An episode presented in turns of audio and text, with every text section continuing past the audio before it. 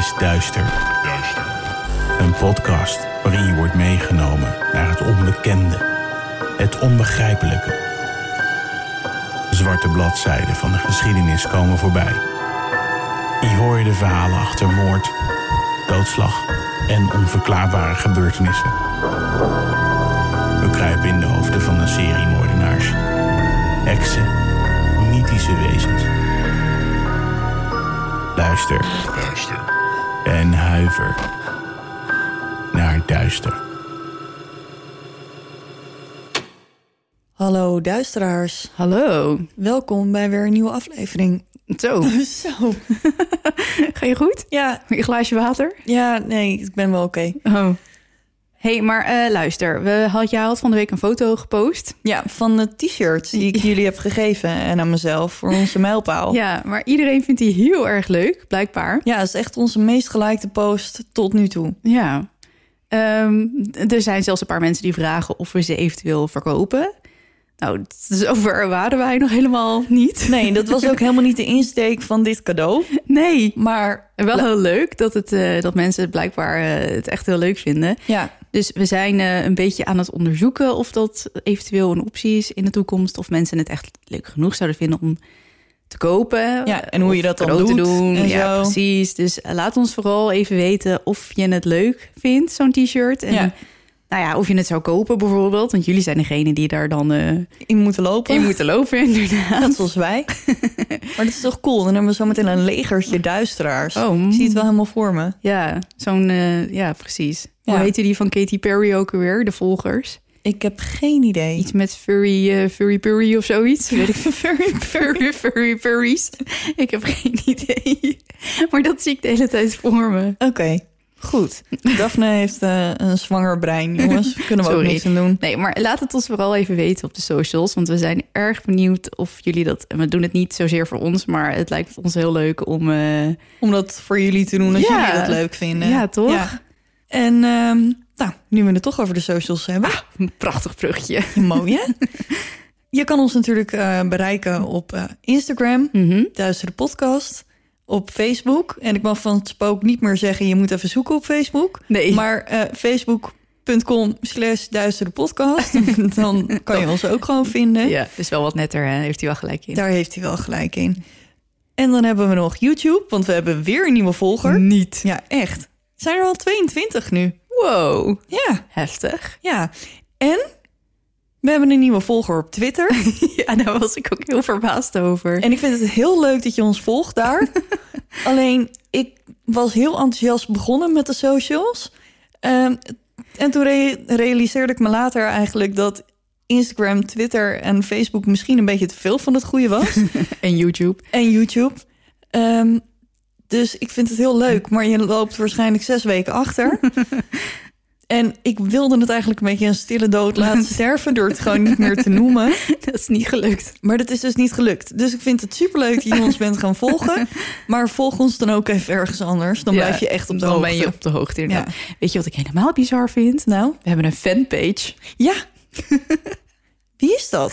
Ik heb geen idee. We voelen ons zeer vereerd. Ja, Maar ehm, ja, ik was helemaal verbouwereerd, joh. ja ik ook. En die is er al een paar weken. Maar ik dacht, ja, maar er, er gebeurt niet zoveel. Nee, nee, Dus nee. het is me nog steeds een raadsel wie daarachter zit. Ja, nou goed. We vinden het wel heel leuk. Ja. Ja, ze- ja, ik vind het echt heel leuk. Als je maar niet een enge stalker blijkt te zijn. Eh, nee, maar dat past natuurlijk wel helemaal in ons straatje. Dat is waar, maar ik hoef geen stalker mijn Ik ook niet straatje. per se trouwens. Oké, we gaan beginnen. Heb jij een eh, teaser? Eh, ja, die heb ik zeker. Ja, die heb ik zeker. Pardon? Ja. Wat is dit? ja, dat hoor je zo meteen wel. Nou goed, ik, eh, ik heb geen flauw idee. Mooi. Oké, ik eh, ga beginnen. Goed, take it away.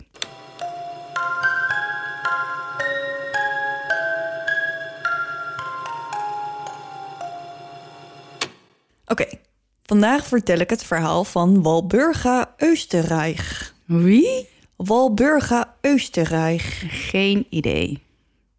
Ik wist ook niet wie zij was voordat ik dit ging opzoeken. En er is ook helemaal niet zoveel bekend over haar jeugd. Wat ik wel weet is dat Walburga ergens in 1880 geboren is. Of wordt als Walburga Korschel. En ze groeit op op een boerderij in het midwesten van Amerika. Oké, dus ze klinkt wel heel erg eh, meer Pools of zo. Ja, ze is Duits. Oh, Ze is familie van een Duitse immigrant. En ik weet dus ook niet of haar ouders geëmigreerd zijn naar Amerika... en dat zij daar geboren is... of dat gewoon het hele gezin die, daar kant, die kant op is die gegaan. kant op is gegaan. Oké, Ik weet dus ook niet in welke maand ze geboren is. nou, maakt er niet zoveel uit. Nee, ergens in 1880. Haar bijnaam is Dolly en zo ga ik er... Ja, Oh, ja. En zo ga ik er vanaf nu af aan ook gewoon noemen. Dat lijkt me beter. is iets makkelijker uit te spreken dan Ja. Walburga Of Wally. of Wally. Maar Dolly past wel bij haar. Oh, Dus dat, dat Ik ben heel benieuwd hoe ze eruit ziet nu. komt later wel, eh, wel in het verhaal. Oké. Ik denk dat je dan wel begrijpt waarom Dolly wel bij haar past. Dolly. Haar familie heeft het niet breed en als ze 14 is, gaat ze in een textielfabriek werken. In deze fabriek ontmoet ze de 17-jarige Fred William Österreich. Oh, Ja, ze vallen voor elkaar en als ze begin 20 is, trouwen ze. En dan verhuizen ze naar Milwaukee en openen hun eigen textielfabriek waar ze schorten maken. oh. Want die werden vroeger natuurlijk heel veel gedragen Mhm, zeker. en nu niet zo heel veel meer. Dus het waren gewoon hele fabrieken waar Schorten gemaakt. schorten werden. gemaakt eh, werden. Ja, en al snel is het bedrijf een Ik succes. kan echt honderd grapjes maken hoor nu, maar ik doe het maar niet. Nee, doe maar niet. Nee, dan raken we in de war en zo. Ja, dat moet ik niet hebben. Sorry. Al snel is het bedrijf een succes en stroomt het geld binnen. Fred werkt in de fabriek en Dolly is huisvrouw. Ondanks al het geld dat ze hebben, is het geen gelukkig huwelijk. Oh, Fred is luidruchtig, grof en aanmatigend. Alsof dat nog niet ongezellig genoeg is, is hij ook nog eens een keer een zware drinker. oh. En dat maakt hem dus ook niet echt heel veel leuker. Nee. Maar dat en de ruzies die daarbij kwamen kijken, kon Dolly allemaal wel verdragen. Wat Dolly niet kon verdragen, was dat Fred vreselijk slecht was in bed. Oh. Ja, want Dolly was namelijk een vrouw die heel erg dol was op seks. En helaas kon haar man haar niet bevredigen. Letterlijk en figuurlijk. Dit zat Dolly zo dwars dat er regelmatig ruzie over gemaakt werd in huizen Oostenrijk. De buren konden meegenieten van deze ruzies en de politie werd er een paar keer bij geroepen. Wacht even, in 1800 hoeveel? Dit is, eh, ik denk, de 1900 ergens. Heb je dan, heb je dan ruzie over seks? Ja, blijkbaar wel. Oh, ik dacht dat dat een beetje zo'n eh, zo'n moedje was. Ja, je wilde kinderen, maar niet voor de lol, toch? Of wel? Nou ja, behalve als je een man was en je had zeven maanden op zee gezeten of zo. Maar Nee, maar blijkbaar eh, was Dolly heel dol op seks. oké.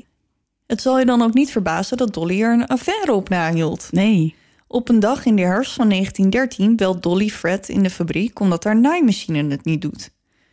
Fred belooft iemand uit de fabriek langs te sturen om de naaimachine te maken.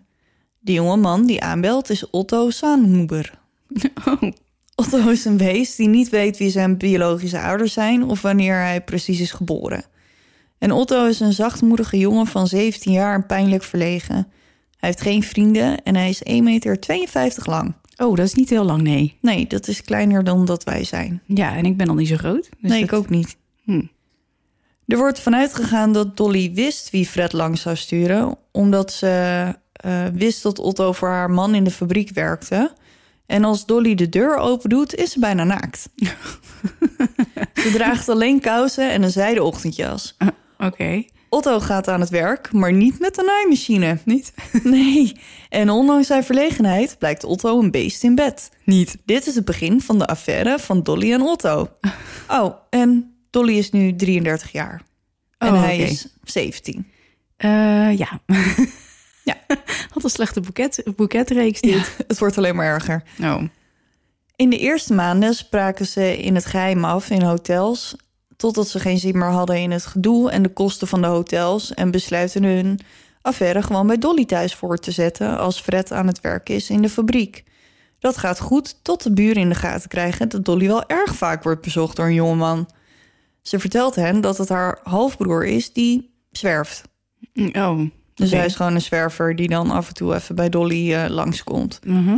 Maar dat vinden de buren maar raar en spreken Fred erop aan. Fred haalt vervolgens verhaal bij Dolly, maar die ontkent gewoon alles. Zou ik ook doen. Ja. Ontkennen tot je er bij neervalt, toch? Oh. Fred laat het voor nu gaan, maar Dolly realiseert zich dat er iets moet veranderen voordat ze echt betrapt worden. Ze wil niet dat Fred erachter komt, maar ze wil ook zeker niet haar relatie met Otto opgeven. Hoe kan ze ervoor zorgen dat ze ze allebei kan houden zonder dat iemand erachter komt? Maar waarom, waarom zou ze niet gewoon van die Fred afstappen? Fred, Fred is rijk. Ja, maar ook een lul. Ja, maar wel rijk. Huh. Ja, ik denk dat dat voornamelijk eh, de reden was. Oké. Dus Dolly denkt na, wikt en weegt en dan denkt ze aan de zolder van haar huis. Wat nou als Otto ontslag neemt en op haar zolder komt wonen? Niet. Dat is wel een beetje freaky. Beetje. hè? De zolder is alleen te bereiken via een luik in het plafond van de slaapkamer met een Ah. vliesotrap en Fred komt er nooit. Nou, is toch perfect? En eh, wat gaat hij daar dan doen? Gaat hij daar wachten totdat Fred naar zijn werk is en dan bespringt hij Dolly als een eh, Dolly? Ja, inderdaad. Ze richt de zolder in voor haar lover met een bed, een tafel en een stoel en een paar andere basic dingen. En Otto neemt er zijn intrek als Fred aan het werk is. hij heeft toch geen vrienden of familie en Dolly is de liefde van zijn leven en zo kan hij dicht bij haar zijn. Overdag, als Fred aan het werk is, komt hij van zijn zolderkamer, heeft seks met Dolly en helpt haar in huis, maar gaat nooit naar buiten.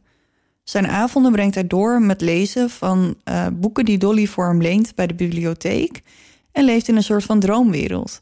Geïnspireerd door de verhalen die hij leest, begint hij zelf met schrijven. Hij schrijft onder een pseudoniem Pulp Fiction verhalen die Dolly voor hem uittypt en verstuurt naar uitgeverijen van Pulp Fiction magazines. En blijkbaar waren zijn verhalen helemaal niet slecht, want ze worden gepubliceerd. Oké. Maar waar gingen ze over dan? Weet je dat? Nee. Oh. Dus Dolly was gelukkig, Otto is gelukkig, maar Fred niet. Oh. In, negen- ja, in 1918, als Otto vijf jaar op zolder woont, denkt Fred dat hij gek wordt. Oh. Hij hoort vreemde geluiden uit het plafond komen en eten waarvan hij zweert dat het er net nog eh, was, verdwijnt. Zijn sigaren verdwijnen, spoorloos. En als hij een keer aan het werk is in de tuin, ziet hij een gezicht voor het raam van de zolder. Dolly maakt haar man natuurlijk niet wijzer en zegt tegen hem dat hij misschien maar eens naar een dokter moet gaan om zich te laten onderzoeken. Fred laat zich onderzoeken en surprise, surprise, er is helemaal niks met Fred aan de hand. Op een gegeven moment denkt Fred echt dat hij begint door te draaien en hij staat erop dat ze naar Los Angeles verhuizen. Waarom? Waarom daarheen ook echt? Weet ik niet, mooi weer, Hm. denk ik.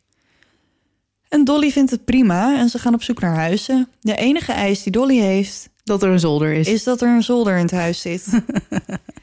en blijkbaar is, hadden niet heel veel huizen in Los Angeles een zolder. Dus het duurde even voordat ze wat gevonden hadden.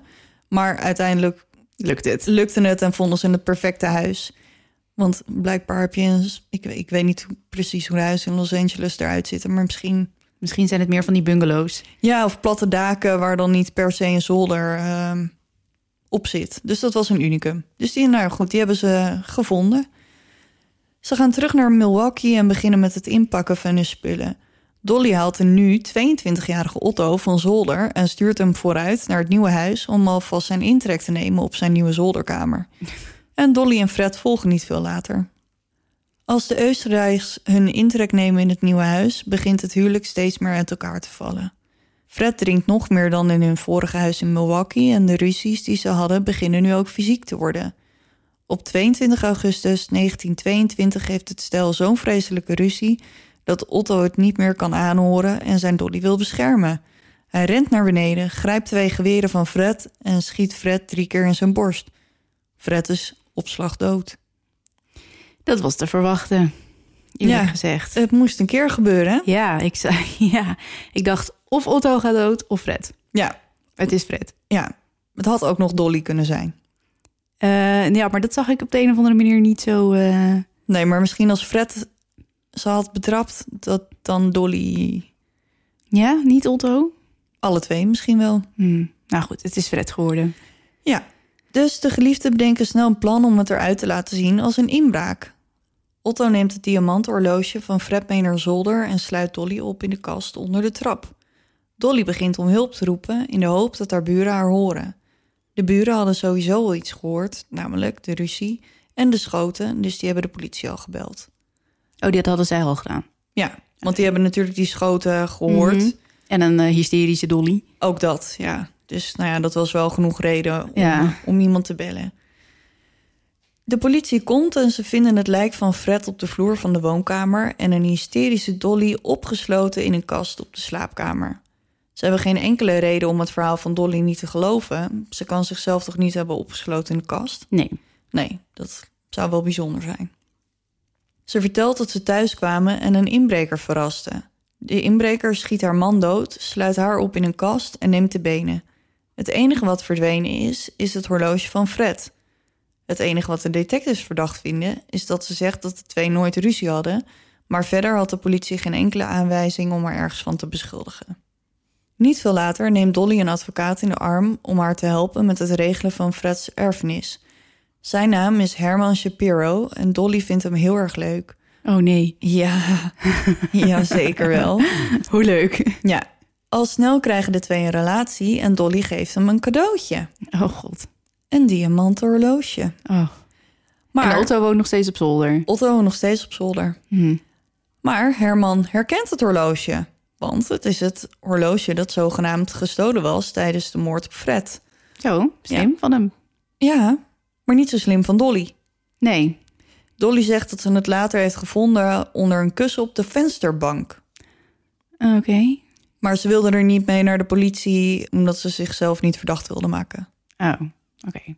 Ondertussen zet Dolly haar huis te koop en verhuist naar een huis in de buurt. Een kleiner huis, maar wel een met een grote zolder. Oh, dus toch nog één gevonden met zolder. Ja, en niet alleen Dolly verhuist dus, Otto gaat mee.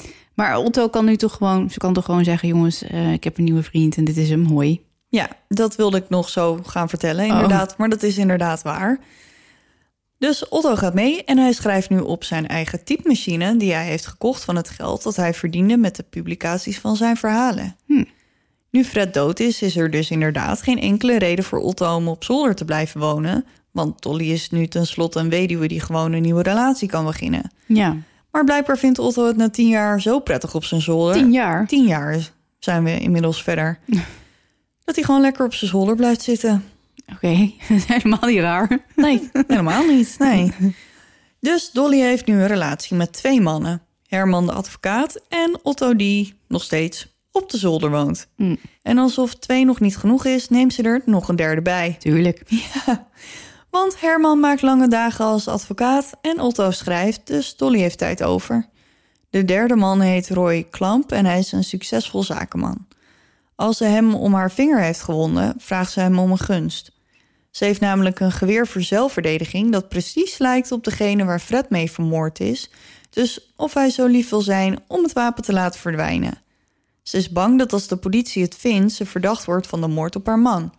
Natuurlijk, zegt Klamp. Doe ik voor je, schat.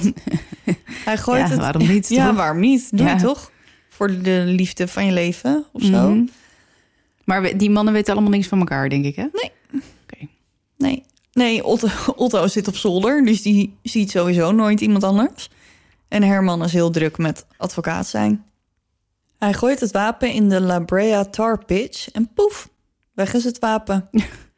En ze vertelt hetzelfde verhaal aan een buurman, die er ook voor valt... en hij begraaft het wapen in zijn tuin. Wat? Die andere? Ja, want het waren er twee. Ah. Ze heeft voor zover ik weet geen relatie met de buurman... Nou, je weet het niet. maar het had zomaar gekund. Zeker. Politieman Herman Klein, dus niet Herman de advocaat... Nee, nee, nee. heeft nooit het gevoel van zich af kunnen zetten dat Dolly iets met de moord op Fred te maken heeft. Ze hebben geen enkele aanwijzing gevonden, maar hij voelt het gewoon als water. Niemand weet waar de informatie vandaan komt, maar bijna een jaar later komt het hem ter oren dat Herman, de advocaat, Mhm. is gespot met het diamanten horloge van Fred om zijn pols. Als Klein hoort hoe Herman aan het horloge gekomen is, verspilt hij geen seconde en arresteert Dolly op verdenking van de moord op haar man. Ergens rond dezelfde tijd beëindigt Dolly haar relatie met Roy Klamp. En hij is zo kwaad en gekwetst dat hij naar de politie rent om het verhaal van Dolly en het geweer te vertellen. Oh, nee. Ja. En als dat nieuws naar buiten komt, graaft de buurman van Dolly het wapen op dat hij van haar gekregen heeft en brengt het Linea in recta. linea recta naar de politie. Oh, oh, daar gaat Dolly. ja, tenminste, is dat zo? Nou ja, dat weet ik niet. Dolly zit nu vast en maakt haar volgende fout. Ze ontkent elke betrokkenheid bij de moord op Fred en wil alleen haar advocaat Herman spreken. Ze zegt tegen Herman dat hij naar haar huis moet gaan en op de deur in de kast moet kloppen. Ze legt uit dat haar halfbroer, de zwerver, op haar zolder zit en nu geen eten heeft. Of hij hem even eten wil gaan brengen. En wil zeggen dat ze uh, weg is op een zakenreis, maar snel weer thuis zal zijn. nou, je gelooft het niet. Nee. Dus Herman gaat met een tasje boodschappen naar het huis, klopt op de deur in het plafond en ja hoor, daar komt Otto. Herman vertelt hem wat Dolly heeft gezegd en Otto verzucht: Het is vreselijk dat ze zo verdrietig is om iets wat ik heb gedaan. Maar Otto was super blij om Herman te zien, want het was natuurlijk al meer dan tien jaar geleden dat hij een gesprek met een man had gehad. En zonder twee keer na te denken, vertelt hij hem alles over hem en Dolly. De seks, dat hij al tien jaar op haar zolder woont, alles. en hij blijft maar praten. Oh, tuurlijk. Hij vertelt Herman het hele verhaal van de avond van de moord. Herman realiseert zich dat deze zaak veel te complex voor hem is. Hij neemt een strafrechtadvocaat voor Dolly in de arm, Frank Dominguez. Wacht, voor Dolly of voor Otto? Voor Dolly. Want Otto heeft toch die moord gepleegd in feite?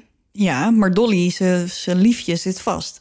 Maar heeft Otto nooit spijt gehad dan? Die dacht niet van, oh scheisse, wat heb ik gedaan? Nee hoor, hij zat lekker op zijn zolder te chillen. Ja, verhaaltjes te typen. Ja, dus Frank Dominguez, een van de beste strafrechtadvocaten in de stad.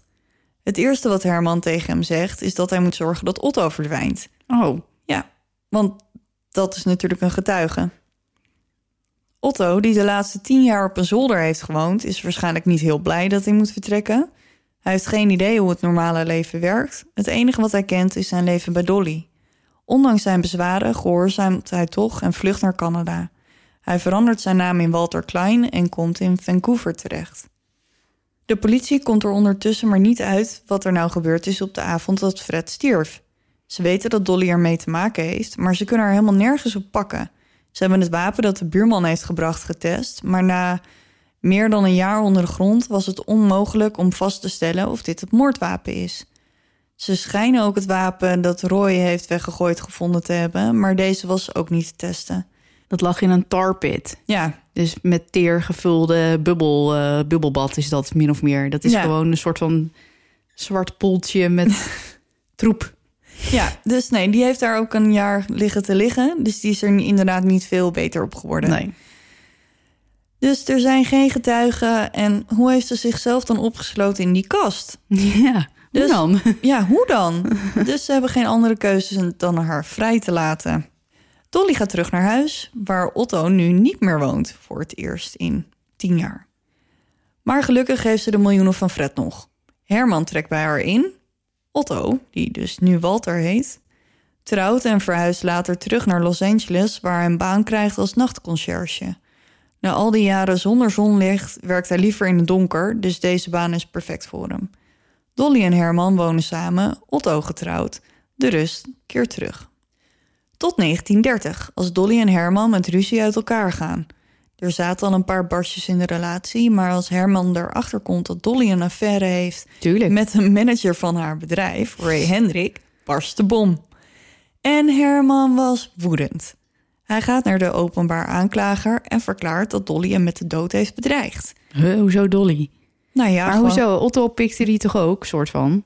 Behalve dat hij moest verdwijnen, maar Ja, maar hij is er nu helemaal klaar mee. oké. En hij wil ook graag een beëdigde verklaring afleggen over de dood van Fred Österreich. Hij vertelt alles wat hij weet over Dolly, Fred en Otto. Beetje laat, hè? Ja, beetje, zou je kunnen zeggen. Otto wordt moord ten laste gelegd en Dolly samenswering om een moord te plegen. En nu Dolly toch vastzit, heeft de politie nog wel meer vragen aan haar. In 1927 brandde de schortenfabriek van Fred in Milwaukee af. Onderzoekers stelden vast dat het een aangestoken brand was en ze verdachten Dolly hiervan, aangezien zij het geld van de verzekering zou krijgen.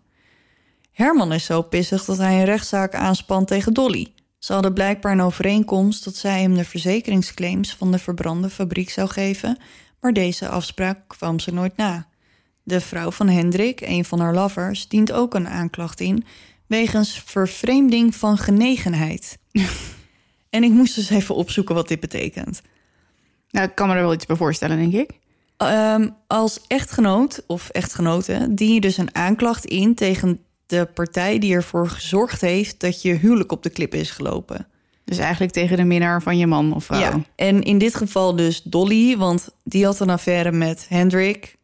Mhm. Je kan dus een getrouwde man of vrouw een aanklacht eh, indienen tegen de minnaar of minnares van de wederhelft. ja, precies. Ja, snapt iedereen het nog? Ja, ik wel. Oké, dan is het goed. Terug naar Dolly en Otto. Dolly ontkent alles. Maar Alweer. Otto niet. Otto begint te praten en vertelt hetzelfde verhaal als dat hij al die jaren geleden aan Herman heeft verteld over de moord op Fred. Otto's rechtszaak is als eerst. Zijn advocaat overtuigt Otto ervan om zijn bekentenis in te trekken. Nu is het zijn woord tegen dat van Herman, want ander bewijs is er niet. De advocaat van Otto schildert Herman af als een jaloerse ex-vriend die het verhaal verzonnen heeft om Dolly dwars te zitten. Otto wordt schuldig bevonden aan doodslag. Nu zit de rechtbank alleen met een probleem. Het zit namelijk zo. De moord op Fred is nu acht jaar geleden en de verjaringstermijn van doodslag is drie jaar. Oh, dat is best snel. Ja, dus hij is dan wel veroordeeld, maar door de verjaringstermijn hebben ze geen andere keus dan hem te laten gaan. Ja. En na zijn vrijlating verdwijnt Otto en niemand weet wat er van hem geworden is. Oh, Hij werkt waarschijnlijk nog steeds ergens als een nachtuil. hij is toch getrouwd? Hij zal wel ergens een gezin eh, gesticht hebben Ja. of zo. Wie weet. Dan is Dolly aan de beurt. Is hij wel makkelijk mee weggekomen dan? Ja, heeft hij mazzel. Maar het is toch ook belachelijk dat voor zoiets drie jaar staat. Ja. Nou, dat het na drie jaar verjaart al. Ja, dat bedoel ik. En dit is hier wel veel langer, toch? Ja, ik denk dat het inmiddels overal wel langer is. Ja. Oké, Dolly dus. Die is nu aan de beurt. De verdediging tijdens haar proces was eenvoudig. Volgens haar beroemde advocaat Jerry Geisler was er maar één iemand verantwoordelijk voor de dood van Fred. En dat was Otto. Na de dood van Fred was Dolly niet met de informatie naar de politie gegaan, omdat ze het redelijk gênant vond om uit te moeten leggen hoe het er in haar privéleven aan toe ging. Zo, met Otto op de zolder.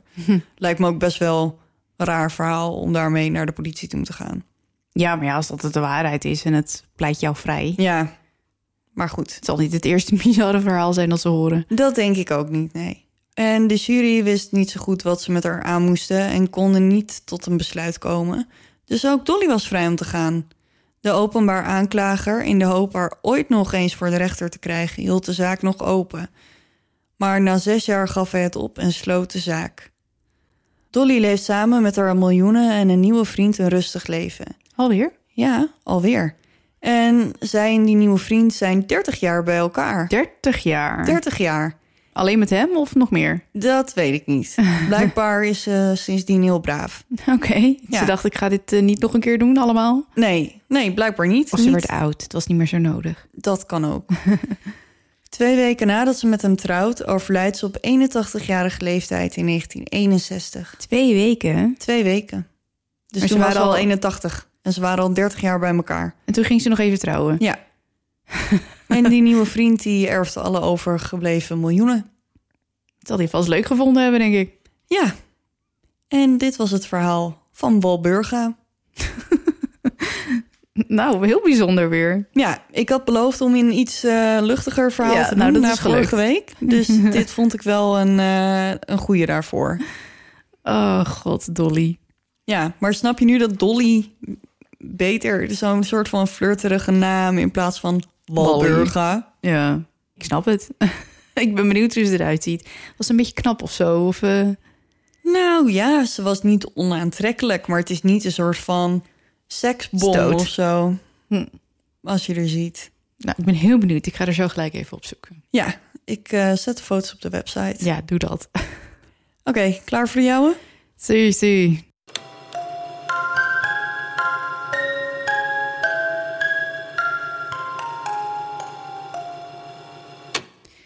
Goed, ik ga beginnen. Eh, we krijgen behoorlijk veel ervaringen doorgestuurd van eh, luisteraars of luisteraars. Sorry daarvoor, luisteraars, luisteraars. Dat is best fijn natuurlijk, want zo kom ik weer op andere ideeën. Ehm, we krijgen ook veel verzoekjes. De twee meest gevraagde aan mij in ieder geval zijn de Titanic. Ja. En geloof me, die ga ik echt zeker weten een keer behandelen. Want de Titanic is echt mijn lievelings schip. Ja. En die ander, die we vaak, of tenminste die ik vaak te horen krijg, is de doppelganger. Oh, echt? Mijn vader had het er vandaag nog over. Maar dat bedoel ik. Ja. Dus dat ga ik vandaag doen. Nou, wat leuk. Nou hè. Ik heb eerst even uitgezocht hoe het nou precies zit met zo'n dubbelganger. Want ik ga niet de hele tijd doppelganger zeggen. Want Nee, dat, is zo'n tongbreker. Walburga. Ja, precies. Eh, goede informatie is een beetje lastig te vinden, want het is een beetje een ingewikkeld fenomeen. Maar ik heb toch het een en ander op kunnen snorren. Oké. Ik eh, vertelde het al eerder. Het woord doppelganger komt uit het Duits en is in feite een gecombineerd woord, namelijk doppel, dat betekent dubbel. En ganger betekent wandelaar. En het is voor het eerst bedacht door de Duitse schrijver Jean-Paul. Niet te verwarren met de rapper, Jean-Paul. maar eh, de schrijver dus in 1796. Dus het is nog niet een heel, Heel, erg eh, oud. Nee. Het fenomeen alter ego en dubbelen is echter in de hele menselijke geschiedenis verschenen in folklore, mythes, sprookjes en in veel tradities van verschillende culturen. Dus zeg maar niet eh, de doppelganger, maar het feit dat er twee van jou zijn is Ja. al wel Ja. langer een ding. In het oude Egypte bijvoorbeeld was een K een tastbare geestdubbel met dezelfde herinneringen en gevoelens als de persoon aan wie de dubbel toebehoort. Een K, dus Aha. dat noemen ze zo. De Griekse prinses Helena van Troje presenteert een Egyptische kijk op de Trojaanse oorlog, waarin een K van Helena de tegenstander misleidt en helpt om de oorlog te stoppen. Hmm. In de Noorse mythologie komen dubbelgangers voor als Vadoret. Ik weet niet of het eh, heel goed eruit komt, maar ik probeer het. Dat is een spookachtige dubbelganger die van tevoren de acties van de werkelijke persoon uitvoert. In de Finse mythologie wordt dit patroon beschreven als een Etianen, oftewel degene die als eerst komt. Eh, Mijn Scandinavisch is niet fantastisch, Nee? dat hoor je al. Nee, ik, maar je doet het erg goed. Fijn, dank je. Eh, de legende gaat, over het algemeen, dat als men oog in oog komt te staan met de eigen dubbelganger, het een slecht voorteken is of zelfs een waarschuwing voor een naderende dood, voor zowel de echte persoon als voor de dubbelganger. Daarom, als je een replica van jezelf ziet, ren dan voor je leven. Als je je Dat heb ik dubbelganger... niet gedaan. Nee, jij, jij komt zo met je verhaal. Ja. Als je je dubbelganger blijft zien, is de kans groot dat je dagen geteld zullen zijn, want je zult snel je eigen ondergang zien. Er zijn veel verhalen over ontmoetingen met dubbelgangers, geen van alle zijn erg aangenaam. Vaak ziet iemand zijn eigen dubbelganger niet echt, maar iemand anders wel. Kun je op twee plaatsen tegelijk zijn? Nee. Maar het is een vreemde gewaarwording als iemand die jou goed kent blijft volhouden dat ze je net 30 minuten geleden hebben gezien terwijl jij niet eens in de buurt was. ja, dat is heel raar. Ja, en jij weet er alles van. Ja. Vert- Vertel. Vertel. Ik weet dat heel veel mensen dachten dat we het vergeten waren vorige keer. Mijn verhaal. Ja, Maar dat is niet zo. Dat was We niet wachten zo. gewoon op dit moment. We wachten inderdaad op dit moment. Dan moet ik even goed nadenken. En als ik had geweten dat we dit gingen doen deze week, dan ehm, had ik nog even contact op kunnen nemen met de mensen die erbij betrokken waren. Oh, Maar goed, maakt niet uit. Eh, het is al een hele tijd geleden, dus ik kan het me niet helemaal meer precies herinneren. Maar toen ik een jaar of 14, 15 was, had ik eh, mijn eerste vriendje, Mhm. Ralf. Jazeker. En Ralf woonde in Almere en ik niet. En mijn nichtje woonde ook in Almere en zij woonden vlak bij elkaar in de buurt. Dus ik sprak dan vaak met mijn nichtje af en dan ging ik naar Ralf toe. En dan spraken we vaak af in een speeltuintje. En Lekker hangjeugd. hangjeugd, ja. ja, echt gewoon, dat doe je toch op die leeftijd. Zeker, zeker. En op een gegeven moment ben ik bij mijn nichtje thuis. En we waren nog niet klaar om te gaan. En we waren ook niet te laat of zo. En op een gegeven moment gaat mijn telefoon. Ralf, hey, ben jij nou hier?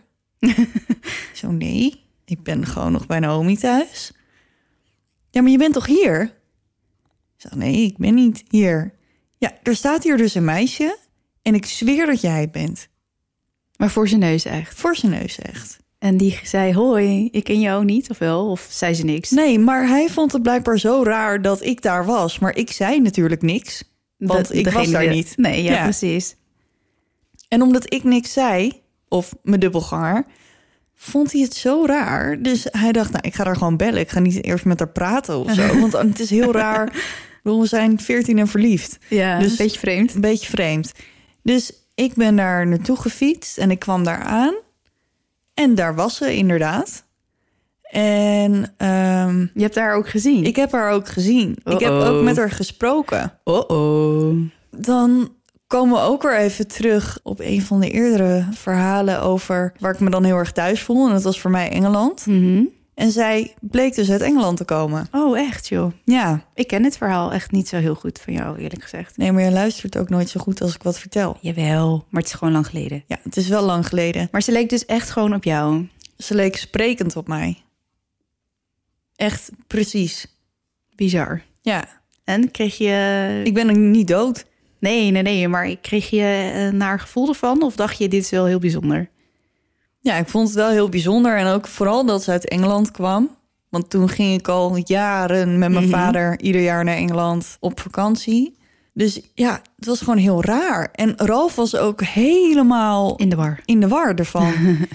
dus ja, ik heb haar gezien, ik heb haar gesproken. Ik heb haar daarna nooit meer gezien. Ik weet ook niet meer hoe ze heet. Maar Oh. volgens mij begon het wel met een K. Dus ja, het was heel raar. Maar ik denk dat Ralf er meer van in de war was dan, Dan jij. ik. Bizar. Nou, ik heb, ik heb mijn eigen dubbelganger nog nooit gezien.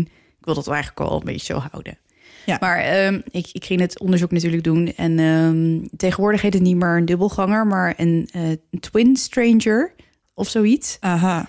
En ehm, er zijn best wel wat mensen die hun eigen dubbelganger hebben gevonden. Ja. Er is ook een website. Daar kun je invoeren waar je vandaan komt, hoe groot je bent, hoe je eruit ziet, v- gezichtskarakters en weet ik veel wat. Ja. En dan upload je een foto van jezelf. En dan gaat het programma achter die website gaat dan zoeken naar foto's online van iemand die, Die op heel jou erg lijkt. op jou lijkt. En ehm, tegenwoordig denkt men niet helemaal meer aan nare gevolgen van je eigen dubbelganger. Maar het is wel bizar om te zien dat sommige mensen echt ja, precies. Twee druppels water op Ja. elkaar kunnen lijken, terwijl ze niet gerelateerd in elkaar zijn. Ja, het is echt bizar. Maar ik was ook bizar. toen ik haar zag, was net alsof ik in de spiegel keek. Huh? Maar Je toen had een wist foto ik, moeten maken. schat, toen had ik nog een Nokia 3310. Toen had ik nog geen camera op mijn telefoon. Oh, jammer. Ja, was, had ik graag willen hebben. Maar nee, helaas. Maar gelukkig was ik waarschijnlijk me er toen ook niet van bewust... wat, zeg maar, De negatieve de gevolgen. negatieve gevolgen kunnen zijn... van het Zien van, het van je van je eigen- eigen dubbelganger. Oké. Nou, zou ik verder gaan? ja, ga maar verder. Interessant verhaal hoor, trouwens. Nou, bedankt hoor. Laat trouwens even weten of jij een dubbelganger hebt als, Oh ja, dat ik wel heel luisteraar. leuk. Ja, toch? Ik ben Ja. wel benieuwd. We zijn vast niet de enige die dit wel of niet hebben. Nee, en Ralf, als je luistert... als jij hier nog iets van herinnert, laat het me dan even weten. ja, doe dat vooral, Ralf. Ik heb je echt al 27.000 jaar niet gesproken, maar hi. Hi, ik spreek hem nog eh, twee keer per jaar. Ja, op je verjaardag en... En, en op zijn verjaardag. Echt al vanaf mijn veertiende. Hij is toch tussen ons injarig of zo? Ja, het slaat ook nergens op, want ik ben 21 januari jarig en hij is 6 februari jarig. En we spreken elkaar twee keer per 9e. jaar. Dus ehm, ja, het is een beetje jammer dat hij niet een half jaar later jarig is. Ja, dan heb je nog een reden. Ja. Oké, we gaan door. Een aantal bekende historische figuren overkwam het zien van een eigen dubbelganger, zoals Abraham Lincoln. Het was algemeen bekend dat Abraham behoorlijk open stond voor het paranormale. Maar een paar maanden voor zijn dood overkwam hem iets vreemds. Terwijl hij voor de spiegel stond, zag hij naast zijn eigen evenbeeld ook een andere versie van zichzelf. Een tweede, geestachtige witte verschijning met donkere ogen en ingevallen wangen keek hem aan terwijl Abraham zich omdraaide om te kijken of er iemand achter hem stond. Want Hij zag dat in de spiegel. En daarna weer eh, terugdraaide en weer in de spiegel keek, was de verschijning verdwenen. Hoewel Abraham het fenomeen misschien vreemd vond, zijn vrouw zag het als een voorteken van de aankomende tragedie. Abraham zat op dat ogenblik in zijn eerste ambtstermijn als president van Amerika en wilde graag herkozen worden voor een tweede termijn. Op de avond van de herkiezing zag hij het spookgezicht opnieuw.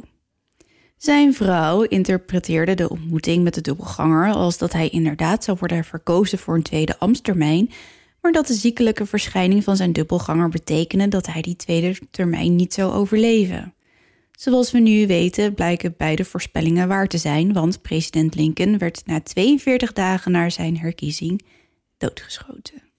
Dan hebben we nog een andere bekende persoon die hetzelfde meemaakte. Nou ja, min of meer. Catharina de Grote. Ah, Ja.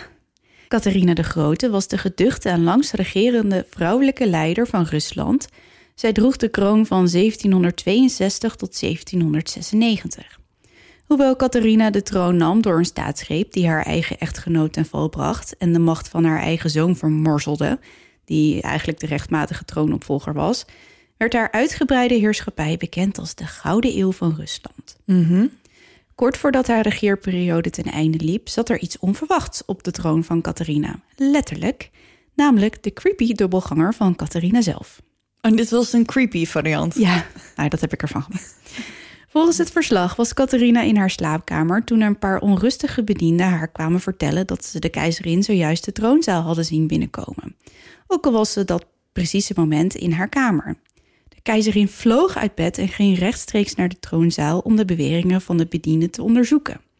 Daar aangekomen kwam Catharina een tweede versie van zichzelf tegen, kalm zittend op de troon.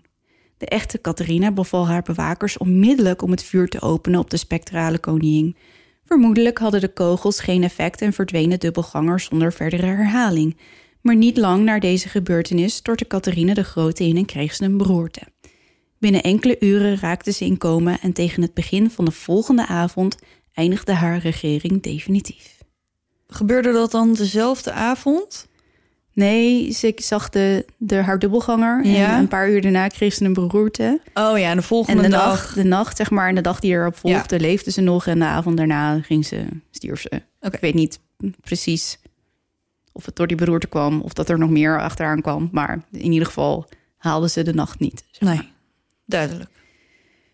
Maar een van de meest bizarre verhalen van het bestaan van een dubbelganger is dat van em Emily. Ik moet zeggen, Emily is dus een Française. Emily Georget. Zo. Fancy. Zeker. Haar verhaal werd voor het eerst verteld door Robert Dale Owen in 1860 in zijn boek Footfalls on the Boundary of Another World. Zelf hoorde hij het verhaal van Julie van Goldenstube, denk ik, dochter van baron van Goldenstuben, of Gildenstube, ik weet het niet precies. Die in 1845 in het huidige Letland naar de elite meisjeskostschool Pensionat van Nieuwelken ging. Goed. Nee, ik denk dat iedereen heeft eh, begrepen waar ze Ja, naartoe nou, ging. in ieder geval, Daar ergens. die schrijver hoorde het van de dochter van een baron. En de dochter ging naar een hele fancy eh meisjeskostschool. In Letland. In Letland. Letland, superleuk land. Ja, jij bent er geweest, hè? Ja. Oh, goed. Eh, die school dus. Dit is de school waar Emily in dat jaar werkzaam was. Emily wordt geboren in Dijon, Frankrijk in 1813. Op jonge leeftijd droomt ze ervan leraar te worden.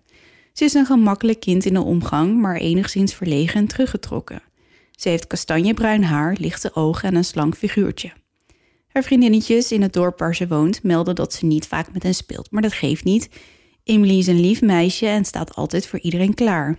De meeste vriendinnetjes van Emily nemen aan dat Emily een tweelingzus heeft, omdat de twee vaak samen door de straten lopen. De kinderen vinden dat niet raar. Een tweeling is tenslotte niet ongewoon. Wat hen echter wel in verwarring brengt, is het feit dat de Jarget-zusjes elkaar totaal niet lijken te kennen, maar elkaars acties griezelig nabootsen. Emily's ouders zijn zich wel bewust van de vreemde verschijnselen rond hun jongste dochter, maar ze houden zich daar stil over. Men is in die tijd nog erg bijgelovig en geroddel over paranormaal gedoe in het huishouden van de familie Jarget kan een welvarende bakkerij er niet bij hebben. Ja, nee, dat kan je niet riskeren. Nee, stel je voor. Ze besluiten om Emily thuis te houden en laten een leraar uit een andere stad komen om haar les te geven. Haar broers en zussen zijn er ondertussen behoorlijk aan gewend dat er twee Emily's door het huis heen lopen. De andere Emily wordt vaak gezien tijdens het doen van klusjes in het huis, terwijl de echte Emily op dat moment in een soort van roes op bed ligt, maar niet helemaal slaapt. Als ze Maar wakker Niemand is, vindt het raar. Nee, nee, wacht. Als ze wakker is en er wordt gevraagd waar ze dan aan had gedacht tijdens die momenten, dan heeft ze daar totaal geen herinnering aan. Maar, Nee, ja, het is zo gegroeid. Men, er zijn, ja, men is daaraan gewend of zo. maar die moeder weet toch dat ze geen tweeling heeft gebaard? Dus dan is ja, het toch maar heel ja, raar als... eh, ik weet het ook niet, man. Het is gewoon een soort van. Ja, maar is het, dat is toch raar? ja, Als je in één is keer een extra kind hebt. Ja, het is niet echt een kind, hè? Het is niet vlees en bloed. Het is gewoon een verschijning. Ja, maar het is er toch? Je weet toch dat je geen twee... Ja, dat is toch raar? veel, man. Ja, dat vind ik ook. Waarom zijn al die ouders altijd zo raar in deze verhalen? Geen idee. Ja, dan moet je... Ja, maar ik ben natuurlijk de paranormale kant. ik heb niet overal een antwoord op. Sorry. ik weet het ook niet. Nee, ik had ik het ook raar gevonden, maar ja... ik weet eh, dat je je best doet, maar als jij zo meteen de baby krijgt en het, je baart er geen twee, maar het zijn er in één keer wel twee, dan eh, krap je jezelf toch even achter de oren, neem ik aan. eh, ja, dat ik denk... dat- Ja, ja, en als behoorlijk. jij het niet doet, doe ik het wel. Ja, nou ja, goed. Oké, we gaan door, ja? Graag. Eh, we maken even een time jump naar het jaar 1845. Emily is nu 32 en erg blij dat ze een baan heeft gevonden op een exclusieve meisjesschool, gelegen in Wolmar in het huidige Letland. In de 16 jaar daarvoor moest Emily 19 nieuwe posities zoeken als leraar, wat best eigenaardig is, omdat haar papieren onberispelijk zijn.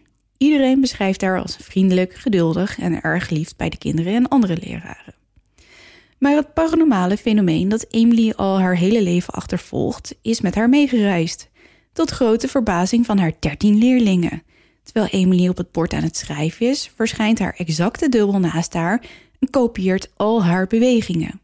Het enige verschil wat de ooggetuigen kunnen benoemen, is dat de dubbelganger geen krijtje in haar handen heeft. Eeuw. Bij een andere keer, terwijl een klas een naai- en borduurles krijgt, verlaat de leerkracht die de klas leidt haar stoel aan haar bureau om een van de meisjes uit een andere klas te helpen. Opeens loopt Emily naar binnen en gaat op de lege stoel zitten. Plotseling roepen een paar kinderen met verbazing uit dat Emily ook buiten te zien is terwijl ze bloemen plukt in de schooltuin. De meisjes in de klas merken op dat de dubbelganger in de stoel absoluut onbewegelijk zit, terwijl Emily buiten op een vreemde en lusteloze manier rondscharrelt. De twee moedigste meisjes uit de klas kijken elkaar aan en staan op om de dubbelganger eens van dichtbij te bekijken. Oeh, dat zijn wij. Ja. Ze zeiden achteraf dat het dubbel in elk opzicht op Emily leek. Een van hen stak zelfs haar hand uit om de geestverschijning van Emily aan te raken, maar haar hand ging dwars door de kleding heen het lichaam in. Hmm. Toen haar werd gevraagd wat ze nou eigenlijk had meegemaakt, zei het meisje: Het voelde leeg, alsof ze gemaakt was van spinnenwebben. Zo. Diep. Echt wel. Bij een andere gelegenheid, terwijl Emily aan de eettafel zit, wordt haar dubbelganger achter haar gezien en bootste deze al haar bewegingen na. Opnieuw is de verschijning identiek, afgezien van het niet vasthouden van een mes en vork. Maar de manier waarop Emily de vork naar haar mond beweegt en hoe ze haar drinkglas oppakt, alles doet de dubbelganger na. De andere leraren beginnen met Emily te observeren, die zich van geen kwaad bewust lijkt te zijn, maar dit is wel heel bizar. Ja. Als er gewoon twee mensen Ja. hetzelfde zitten te doen. Maar vooral er- dat zij echt geen idee heeft. Ja. Het lijkt erop dat de kinderen in ieder geval geen angst hebben voor dit fenomeen. Die vinden het wel een soort van Interessant. grappig. Ja. Zo. Maar Emily's dubbelganger begint een eigen leven te leiden. Het verschijnt nu rond de school.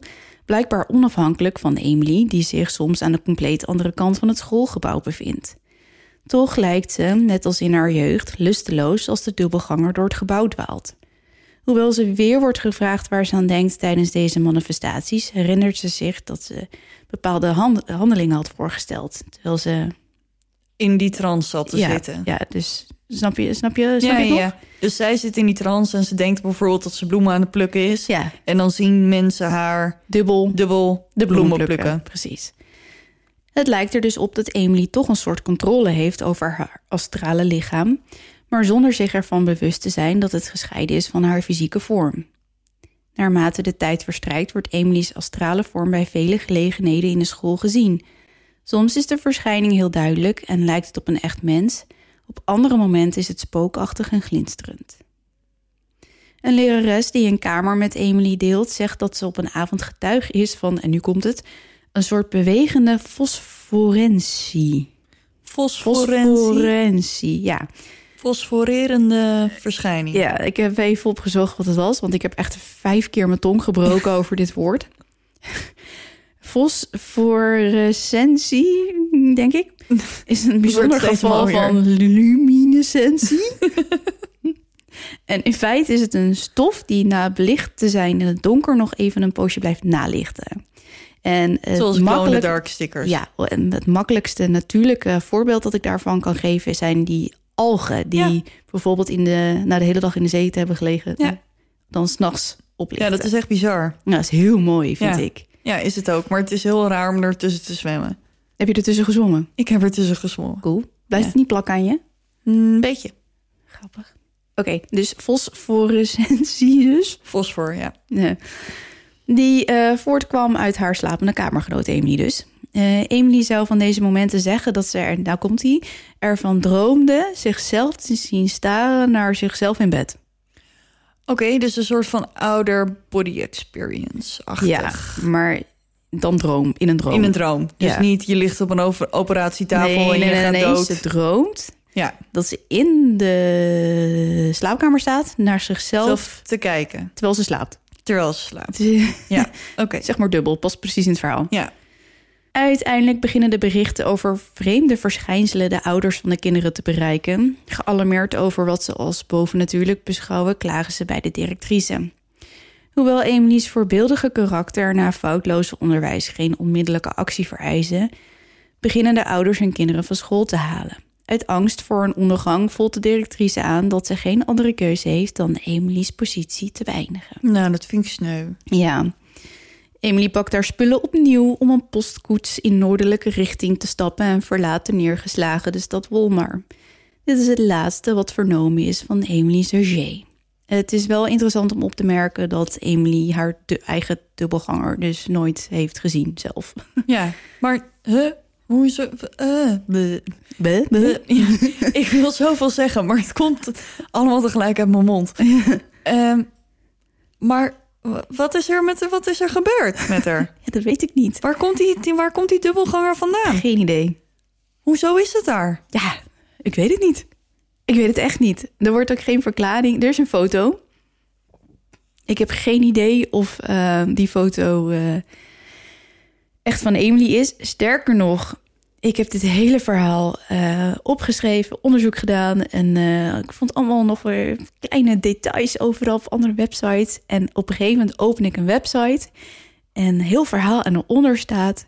Het is onwaarschijnlijk dat Emily echt bestaan heeft. Nou, dat ben je niet. Ja. Hou op hoor. Maar we weten het niet. Er is een foto van twee meisjes die erg op elkaar lijken. Mhm. En heel internet zegt dat het Emily is. Maar weet je wat? Ik eh, upload hem en dan moet je het zelf beslissen. Ja. Ja, nou laten we dat maar doen. Ik ben wel benieuwd nu. Ja, dat snap ik. Maar ja, Emily dus en haar dubbelganger. Ja. Hmm. Ja, ik weet het niet hoor. Ik weet het ook niet. Ik weet wel... Ik denk dat het, het, het fenomeen dubbelganger echt bestaat. Denk ik ook. Eh, misschien dat er een meisje is geweest in eh, de 17e eeuw, dus rond 1800, die misschien wel een paar keer een geestverschijning om zich heen heeft gehad, dat het hele verhaal hierop Ja. gebaseerd is. Dat zou kunnen. Ik weet het niet. Nee, ik ook niet. Maar het is wel eh, zeer het interessant. heel Het is interessant. helemaal opgeschreven. Dus iemand heeft hier een. Hele tijd over nagedacht. Ja, Ik denk ook dat er nog wel meer van dit soort verhalen zijn. tuurlijk. Kijk maar naar Abraham Lincoln. Die, eh, die Ja. had zijn eigen dubbel in de spiegel. Ja.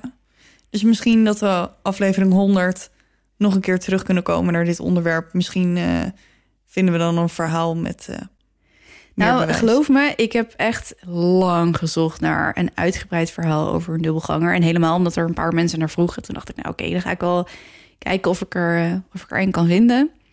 En ehm, de meeste zijn allemaal, ja, ik had mijn dubbelganger en dit gebeurde dit en toen een zus en zo. En Ja. daarna was het klaar. Maar ja. een uitgebreid verhaal over meerdere, een, een periode van langere tijd, zeg Mhm. maar. Dat is lastig. ja, Dus als jij een verhaal, je, je zit thuis en je denkt, ja, maar wacht even. ik heb er één. Wacht even. Ik heb het verhaal. Echt, stuur me door. Ik ben heel benieuwd. Ja, ik voel ook even de behoefte om ons invulformulier weer even een keertje te promoten. Oh, Want wij hebben natuurlijk op de website duisterdepodcast.nl zeker. een invulformulier. Nou, En ik heb het idee dat ik het de laatste afleveringen vergeten ben om te noemen. Maar als je nou geen Instagram of Facebook hebt of YouTube. of Twitter. Nee, niet Twitter. Oh, Ehm, dan kan je dus gewoon via de website ook je verhaal naar ons sturen. Zes. Yes. Zes. Zes? Zes. Zes, Ik wilde, ik wilde zie en yes zeggen. Nee, dat, is- dus- niet gelukt. Nee, dus dat kan ook gewoon op de website. En als je daar dan toch bent om je verhaal in te sturen... dan kan je daar ook alle foto's en links Ja. zien.